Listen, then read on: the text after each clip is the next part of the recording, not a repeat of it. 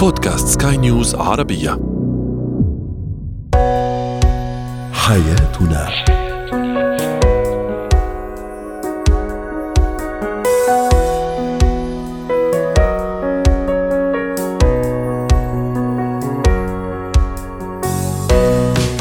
مستمعينا الكرام أهلا بكم معنا إلى حياتنا فضاؤكم اليومي الذي يعنى بشؤون الاسره وباقي الشؤون الحياتيه الاخرى والذي يمكنكم الاستماع اليه عبر منصه Sky News dot com slash podcast وباقي منصات سكاي نيوز العربيه الاخرى شاركونا عبر رقم الواتساب 00971 561 886223 معي أنا امال شاب اليوم نتحدث عن الشريك كثير الانتقاد كيف اتعامل معه كيف أربي طفلا آه، يعني على الهدوء وبدون ضرب وبعيدا عن الضرب والتعنيف؟ وأخيرا إتيكيت استقبال عفوا والتعامل مع الزميل الجديد في العمل.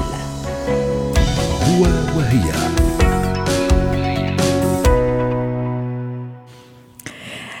يشكو بعض الأزواج والزوجات من تعليقات الشريك اللاذعة سواء على المظهر على الملابس على الشكل على العادات أيضا التي لا تتناسب مع الطرف الآخر. عادة يكون رد الفعل إما الدفاع عن النفس الانفعال ورد الإساءة والنقد أو إلقاء اللوم على النفس والشعور بالألم والذنب والإحباط. كيف أتعامل مع هذا النوع من الأزواج والزوجات؟ رحبوا معي بالخبيرة النفسية والأسرية دكتورة ريما بجاني سعد أوقاتك دكتورة ريما. كان هذا سؤالنا التفاعلي كيف تتعامل مع شريك كثير الانتقاد؟ مها تقول زوجي دائم الانتقاد في كل شيء وهذا يحبطني كثيرا. لينا تقول عدم الرد عليه أساسا يعني تطنيش بين قوسين. ومحمد يقول أرد النقد بالنقد وأخيرا السلطان يقول أحاول أن أحسن من الأشياء التي تزعج الزوجة. دكتورة ريما هذا الشخص اللي كثير الانتقاد. هل يتعمد أنه ينتقدني؟ هل لحاجة في نفس يعقوب مثل ما بيقولوا؟ أم هو كذا شخصيته هيك ما في شيء بيعجبه وما في شيء يرضيه خاصة فيما يتعلق بالشريك؟ صحيح. أول شيء مرحبا للجميع. تقريبا ضويتوا على كل الأشياء اللي لازم نحكي فيها. يعني نقول bye bye خلاص. اذا شيء خلاص ناكل بخير. اليوم رح نحكي عن عن الانتقاد عن رده الفعل عند الشريك عن إذا هو غير مرتاح مع حاله. هيك هلا بالمقدمة مش هيك فتحتي لي دغري الباب. رح نحكي بطريقة شوي موسعه بس ضيقه بتعرفي نحن على الراديو كيف نكون عم نحكي على السريع. فإذا اليوم الإنسان اللي بيقوم بفعل الانتقاد على الأكيد بفوت شوي على شخصيته. هو إنسان على الأكيد منه مرتاح مع حاله. كيف بنعرف إذا الانتقاد على طول هون كمان ما نكون دقيقين يعني ببعض الأحيان رح نروح نغير على ال côté الإيجابي على الناحية الإيجابية. بعض الأحيان معه حق بس طريقته غلط. صح. اذا عم بتلحقيني لأن عم بقول لك هون كلهم مع بعضهم فاذا في يكون مش مرتاح مع حاله. يعني ما في شيء بيعجبه. هلا قلت لي ما بيعجبه العجب. في يكون تربيته كانت هيك. يعني هو تعرض للانتقاد بكل حياته. يعني اليوم بعطيك example سريع.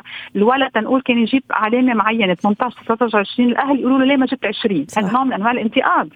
نحن اليوم عم فوت معك على الاساسات اليوم كيف تتكون هيدي الشخصية. okay؟ وهون بتكون إذا بدك يعني إذا باخذ هيدا المنحى هو شخص منه كثير مرتاح مع حاله ما بيعجبه العجب ضروري هو يشتغل على حاله. كده تكون هذه أول نقطة أقول لك إياها إنه عن جد يشوف وين عم بتأثر بالعلاقة وعم بتعبه كوني أكيد هذا الإنسان هو بيتعب. صحيح. هلا إذا ببعض المحلات معه حق بس طريقته غلط لأنه كمان بركي بطفولته تعود بهالطريقه وبركي بيعتبر حاله بيفهم بكل شيء ولازم تكون هيدي الطريقة. أو لأنه الشريك وهون في حدا قال تجي ردة فعلي أو حضرتك قلتيها سوري قلتيها بالمقدمة بنصير عم نبرر حالنا وعم نروح دغري ندافع تاني ميل ندافع عن حالنا. كمان غلط. اليوم أنا مثل على طول بقول إنه نحن اليوم بدنا نفهم من وين جاي هذه القصة وأعرف أصلا يعني أنا إذا بدي لك هذه الفكرة هذه النقطة شو بقول؟ بقول بدي أعرف على القد أنا اليوم الشريك اللي قبال الشخص اللي عم ينتقد بدي يكون عن جد مرتاحة مع حالي. هون بدي بلش. عن جد ما أخذها شخصية. هون كنت تقولي ريما ما فينا ناخذها شخصية. عم ينتقدني لإلي. طريقة لبسي طريقة حكي طريقة تصرفاتي. خاصة إنه عرفني عرفني كذلك. يعني عرفني بمظهر معين وبشخصية معينة وبأسلوب معين. فليش عم ينتقدني الحين بعد الزواج؟ أو العكس بالنسبة أيضا آه. للزوج. أنا عرفته بشكل معين ومنظر معين وعادات و ثم فجأة صرت أنتقد.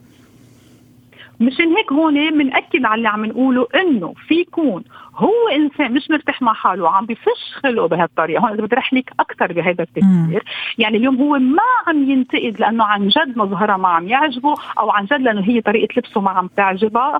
لا هي بيوند هي أبعد. وهيدي طريقته لأنه مش مرتاح مع حاله. هون رح فسر شو معنى مرتاح معنى مع شو عنيت بكلمة مش مرتاح مع حاله. يعني بعض الأشخاص اللي ما بيعرفوا يعبروا عن مشاعرهم بطريقة صحيحة يعني مفهوم مشاعر يعني emotions يعني انفعالات. okay؟ بيروح على أمور ثانية أهين.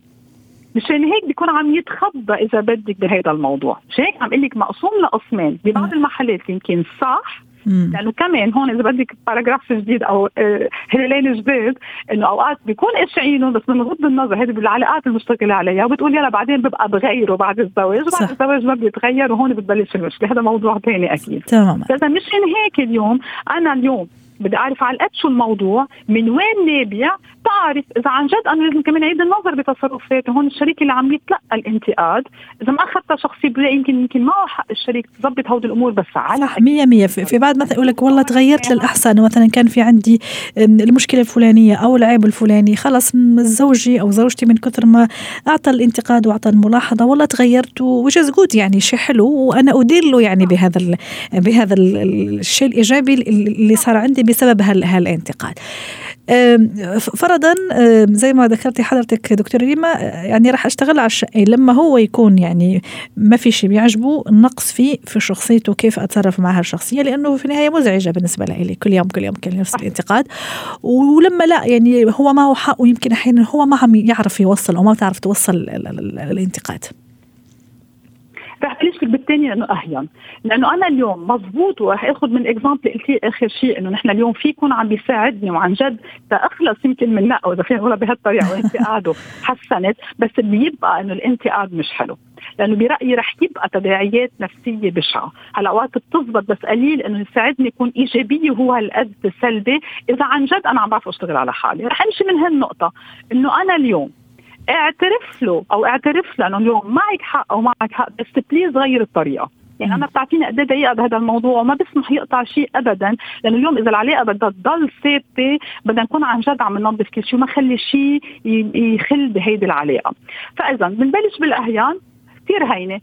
معك حق بعترف إنه هون يمكن لازم أشتغل على حالي بس طريقتك ما بتساعدني أو طريقتك عم بتربطني أكثر أو طريقتك عم بتضرني لأنه عم بتخليني أنغلي أكثر على حالي et cetera فينا نحكي قد ما بدنا بهذا الموضوع. مشان هيك هون النقطة إنه بس يحسن طريقة التعامل أو تحسن طريقة إيصال هذه الأفكار. يعني نحن بنحكي عن ال communication الإيجابية يعني اليوم التواصل الإيجابي ما لازم يكون في ابدا انتقاد لازم يكون في ابدا كلمات سلبية لازم يكون في ابدا لوم. هول معروفين الأهل مع بعضهم الأهل مع الأولاد ال couples الأولاد مع بعضهم et cetera بنروح للأصعب. اليوم عم بتقولي لشخص أنت عندك مشكلة.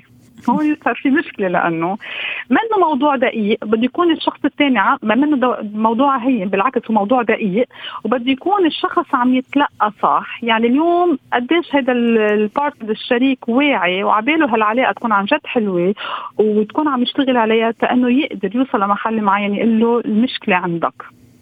وهون قد بدها تكون هون بنسميها بنقول s'améliorer أنا اليوم عن جد عم عم عم يعني عم بنزع حياتنا وعم عم خلي حياة شريكي بشعة. آه، قديش هالعلاقة بتهمني أنا اليوم ارجع أشتغل على حالي. إذا بدك هون الشغل وقد إيه الإنسان يلي بينتقد هون تفرجيني شوي عن شخصيته. يعني بتعرف يعتبر هو الإنسان يلي بيعرف كل شيء وبيقدر ينظم كل الأمور. قد إيه قادر قد صار له هيك؟ وإذا كثير عاطينه من ايده نحن بنقول على اللبناني إنه يقدر يرجع يحط حاله. بنقولها بالفرنسي soi en question يرجع يعيد النظر بتصرفاته يقول عن جد أنا لازم اشتغل على يعني يوقف وقفة جادة مع نفسه ويكون حازم مع نفسه قبل يعني قبل ما قبل الغير. خلينا نقول شكرا لك يا دكتورة ريما بجاني أسعدتينا اليوم بهذه المشاركة ضيفتنا العزيزة من بيروت وأتمنى لك يوم سعيد. زينة الحياة. طبعا كل أولياء الأمور يبحثون عن الهدوء في البيت سواء بوجود الأطفال أو بغير وجود الأطفال واليوم ما دام نحن في فقرة زينة الحياة أكيد الأطفال سيكون يعني هم هم الحاضرين أو هم الحاضرون في فقرتنا اليوم. كيف اقوم سلوك طفلي؟ كيف أربي الطفل وأنشئ الطفل على الهدوء بعيدا عن الضرب وبعيدا عن التعنيف سواء الجسدي أو اللفظي بشكل عام، كيف أربيه على الهدوء؟ بتصرفاته بسلوكه بردود فعله وما إلى ذلك. رحبوا معي بالاستشارية النفسية والتربوية ريم صابوني. يسعد أوقاتك أستاذة ريم. الهدوء عدوى خلي أقول أه؟ تنتقل في بيئة هذه أكيد تنتقل من شخص لشخص وعكس ذلك العنف والتعنيف والفوضى. كمان عدوى للأسف سلبية هي الأخرى. تنتقل من شخص لآخر فما بالك إذا كانت في بيئة أسرية كيف أربي طفلي؟ كيف أقوم سلوكه؟ كيف أنشئه على مبدأ الهدوء؟ وحضرتك تعرفي الطفل يعني هو والهدوء يعني يعني خطان متوازيان الطفل يعني حركة يعني فوضى يعني مدري إيه يعني. فأنا كيف أخليه يعيش هالطفولة؟ بكل حذافيرها وبكل زواياها وبكل أخطاء وهفواته لكن دائما أعوده على هذا الهدوء. نعم يسعد لي اوقاتك عزيزتي أمال المستمعين. خلينا أول شيء نتفق إنه الضرب بما إنك ذكرتيه في البداية هو من كلاسيكيات التربية القديمة اللي ما عادت مستعملة اطلاقا أو مرفوضة تماما. اللي ما عاد ينصح فيها لكن لا هي مستعملة للأسف. هي ببعض الحالات الكثير منتشرة آه يعني لا تزال يعني اسلوب تربوي مش تربوي سوري مستخدم من قبل الاباء لأنه الأسهل صح. هو الأسهل إني أنا أضرب أو عنف أو صحيح. إني أصرخ وفي بعض المدارس كمان للأسف يعني نقولها وإحنا يعني متأسفين جدا يعني شفنا حالات فردية طبعا المعلمين مدرسين يستخدموا هذا الطريقة وبشعة جدا يعني جدا جدا لأبعد الحدود تماما. لكن أنا أقصد إنها لم تعد متداولة في مدارس علم النفس أو مدارس التربية. أيه. على الإطلاق نحن سنستبعد الآن الصراخ العنف الضرب وسنحاول إيجاد البدائل. طيب شو البديل؟ أنا كيف بقدر يعني أنا أعود طفلي على الهدوء والإحترام والرزانة إلى آخره من هي المصطلحات؟ وأنا بالأساس يعني قد ألجأ للصراخ والعنف أو أنا شخصيا أصلا لا أستطيع على ضبط الانفعال، اذا هون نحن عم نحكي عن انفعالات غير منضبطة من قبل الأم أو الأب أو في الجو الأسري بشكل عام. طيب الهدف الذي أريد أن أصل إليه مع الطفل هو الانضباط يعني بشكل أو بآخر، أريد الطفل صح. أن يكون طفلا منضبطا هادئا في بعض الأحيان. أول شيء أنا لازم أنظر لسلوكي أنا قبل ما أنظر لسلوك طفلي، هل أنا هذا الشخص وأحاول عند يعني طفلي بشكل أو بآخر سيستفزني. هذا شيء معروف يخرجني عن شعوري. عند الأطفال عندهم أساليب لاستفزازنا يعني خروجنا عن مشاعرنا مثل الإلحاح الزن المتواصل الصراخ صراخ السلوكيات الغير منضبطة. فإذا هل أنا كيف أتصرف في هذه الحالة؟ هل أفرغ غضبي بشكل صحيح بشكل إيجابي؟ هل أستخدم تفريغ أستخدم طفلي كأداة لتفريغ الغضب؟ إذا هون لازم أنظر إلى سلوكي أنا أولا. وبالتالي سأنظر إلى سلوكه. ما الدافع وراء هذا السلوك؟ أفهم سلوكه. إذا أفرغ غضبي أنا بطريقة إيجابية. بعدين بفهم سلوكه. هل هو تلبية احتياج؟ هل هو حصول على اهتمام؟ بعدين ممكن ساعتها إلجأ إلى وسيلة ما بنسميه ركن العقاب وإنما تم استبداله الآن بمسمى جديد وهو ركن الهدوء أو ركن السلام. بمعنى أن أحاول أن إنه أنا حتى أقدر أعدل السلوك لازم أول شيء أضبط انفعالاتي. من الخطأ تماما أن أقول أضبطها عادة بعيدا عن هذا الطفل اللي استفزني عن ابني اللي استفزني ولا ولا كيف؟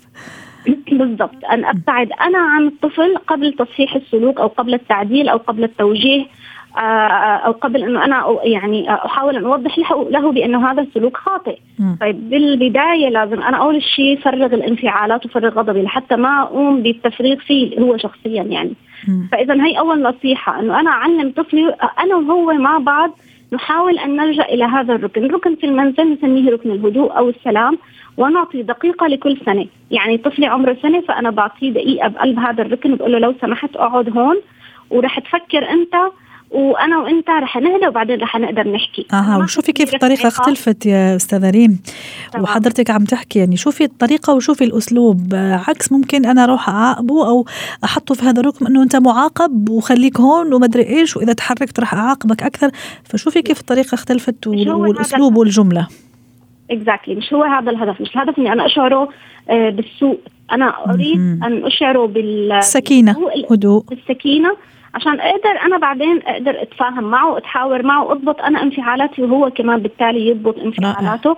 وكما قلت أعطي دقيقة لكل سنة وأقول له أنا ما حسميه لا ركن العقاب ولا النوتي تشير ولا كل هي الأسماء رح أسميه ركن الهدوء والسلام. بعد دقيقه أنا وأنت رح نقعد ممكن ساعتها آه، آه، أستخدم بقى أي أسلوب تربوي مختلف آه، أن أفهمه مثلا العاقبة نتيجة الأعمال سواء كان عمل جيد أو عمل سيء. أن أستخدم هذا الخطأ كفرصة للتعلم. لا أنظر للأخطاء على أنها أخطاء مرفوضة تماما بالعكس هي فرصة جيدة كي استغلها أنا كإنسان مربي. حتى اوضح له آه، قديش أنت كنت مثلا مخطئ في هذا العمل لأنه نتيجته كانت واحد اثنين ثلاثة.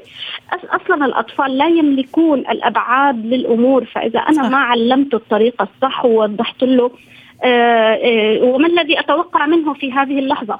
يعني مثلا أخجلني قدام الضيوف طب هو ممكن ما يكون أصلا بيعرف شو الأسلوب الصح لحتى يتصرف؟ 100% شو عرفه؟ طيب أنا اذا ممكن إني أبعته دقيقة دقيقتين حسب المرحلة العمرية ثلاث دقائق قل له بس اهدى تعال وإذا تكرر هذا الأمر سيتحول إلى عادة. خلاص هو فهم إنه نحن بالأول بنهدى ونسيطر على انفعالاتنا أو غضبنا وبعدين بنحكي.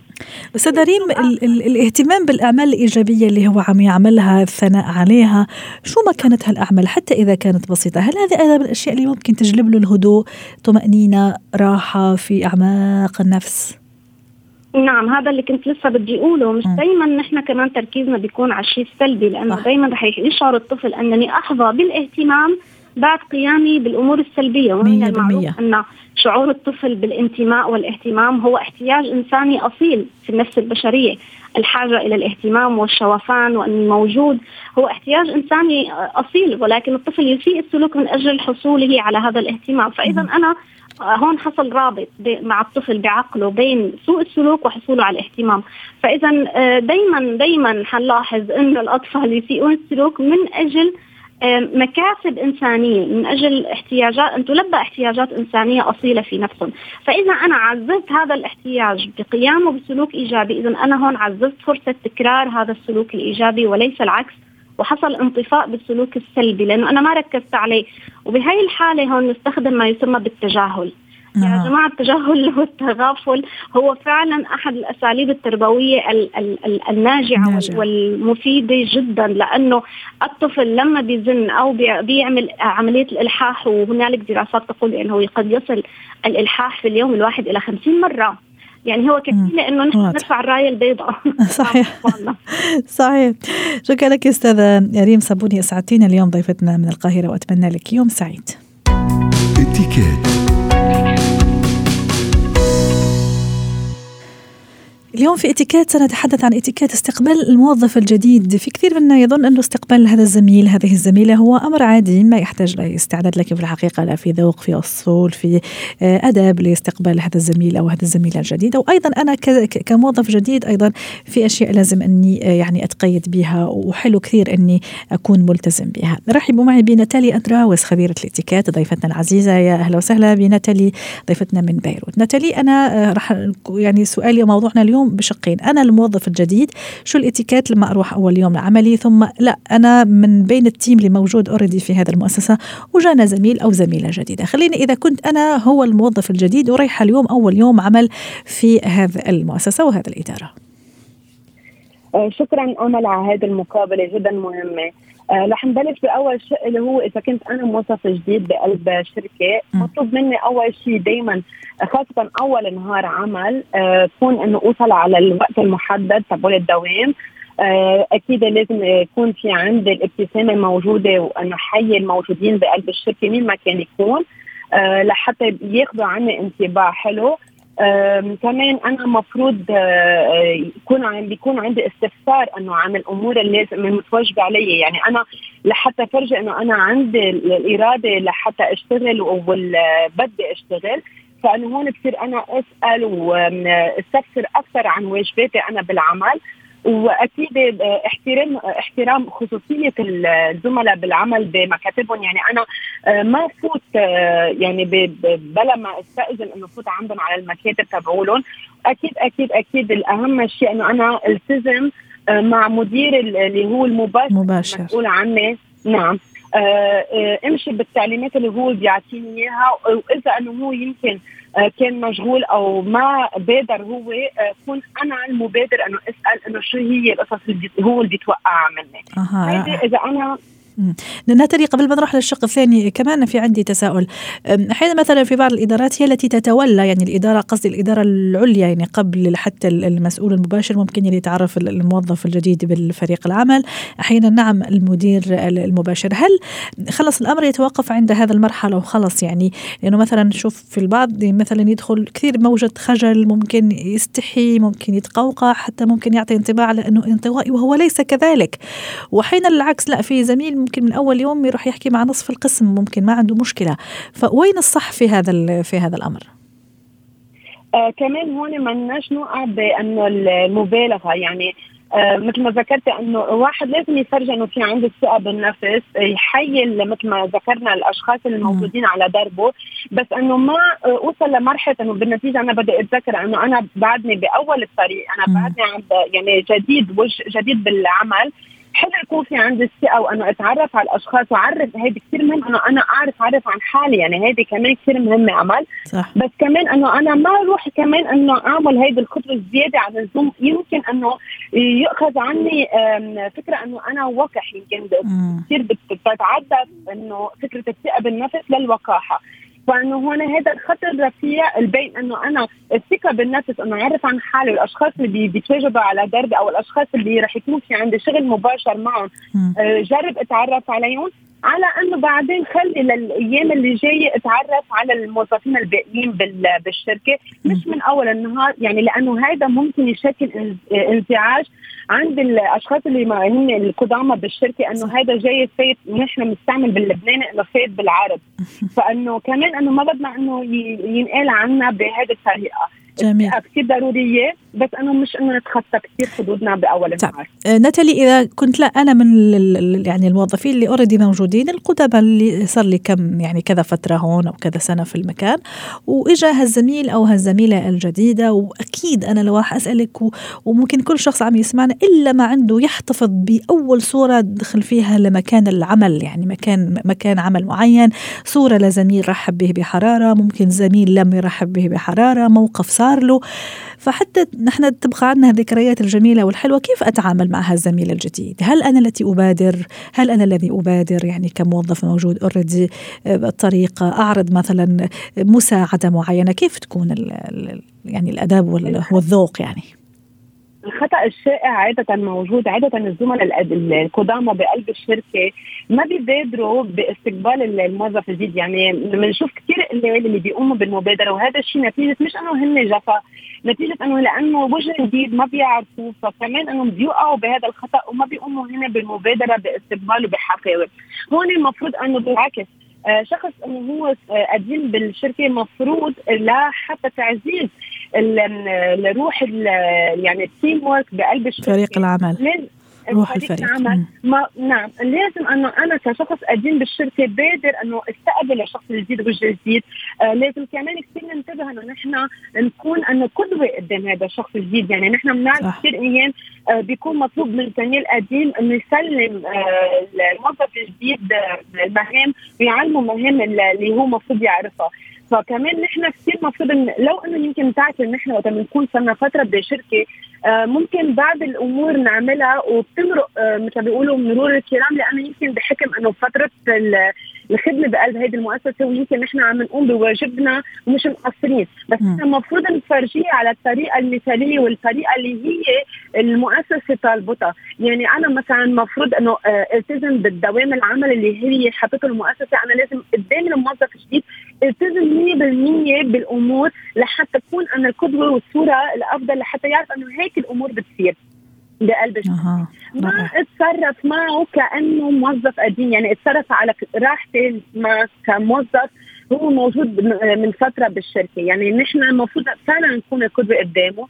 بس مثل ما ذكرتي الخطوة اللي هي الأساسية إن نحن نستقبله نحن نكون كمان صبورين معه لهذا الشخص الجديد لأنه نحن ممكن يسألنا أسئلة كثير وهذا الشيء المفروض نكون نحن برحابة صدر عم نتقبل الأسئلة وبالعكس نحن هذا الشيء المفروض ما يحسسنا لا إنه إنه بالمنافسة معه إنه هذا الشخص الجديد جاي إنه بده يتعلم قصص جديدة هو مش جاي ياخذ محلنا بالعكس يمكن نحن إذا بدلنا إنه كلنا نحن على علاقه طيبة نحن وياه رح نربحه لجنبنا. رائع. شكرا لك ناتالي اندراوس خبيرة الاتيكيت ضيفتنا العزيزة من بيروت وأتمنى لك يوم سعيد ويعطيك ألف عافية. حياتنا.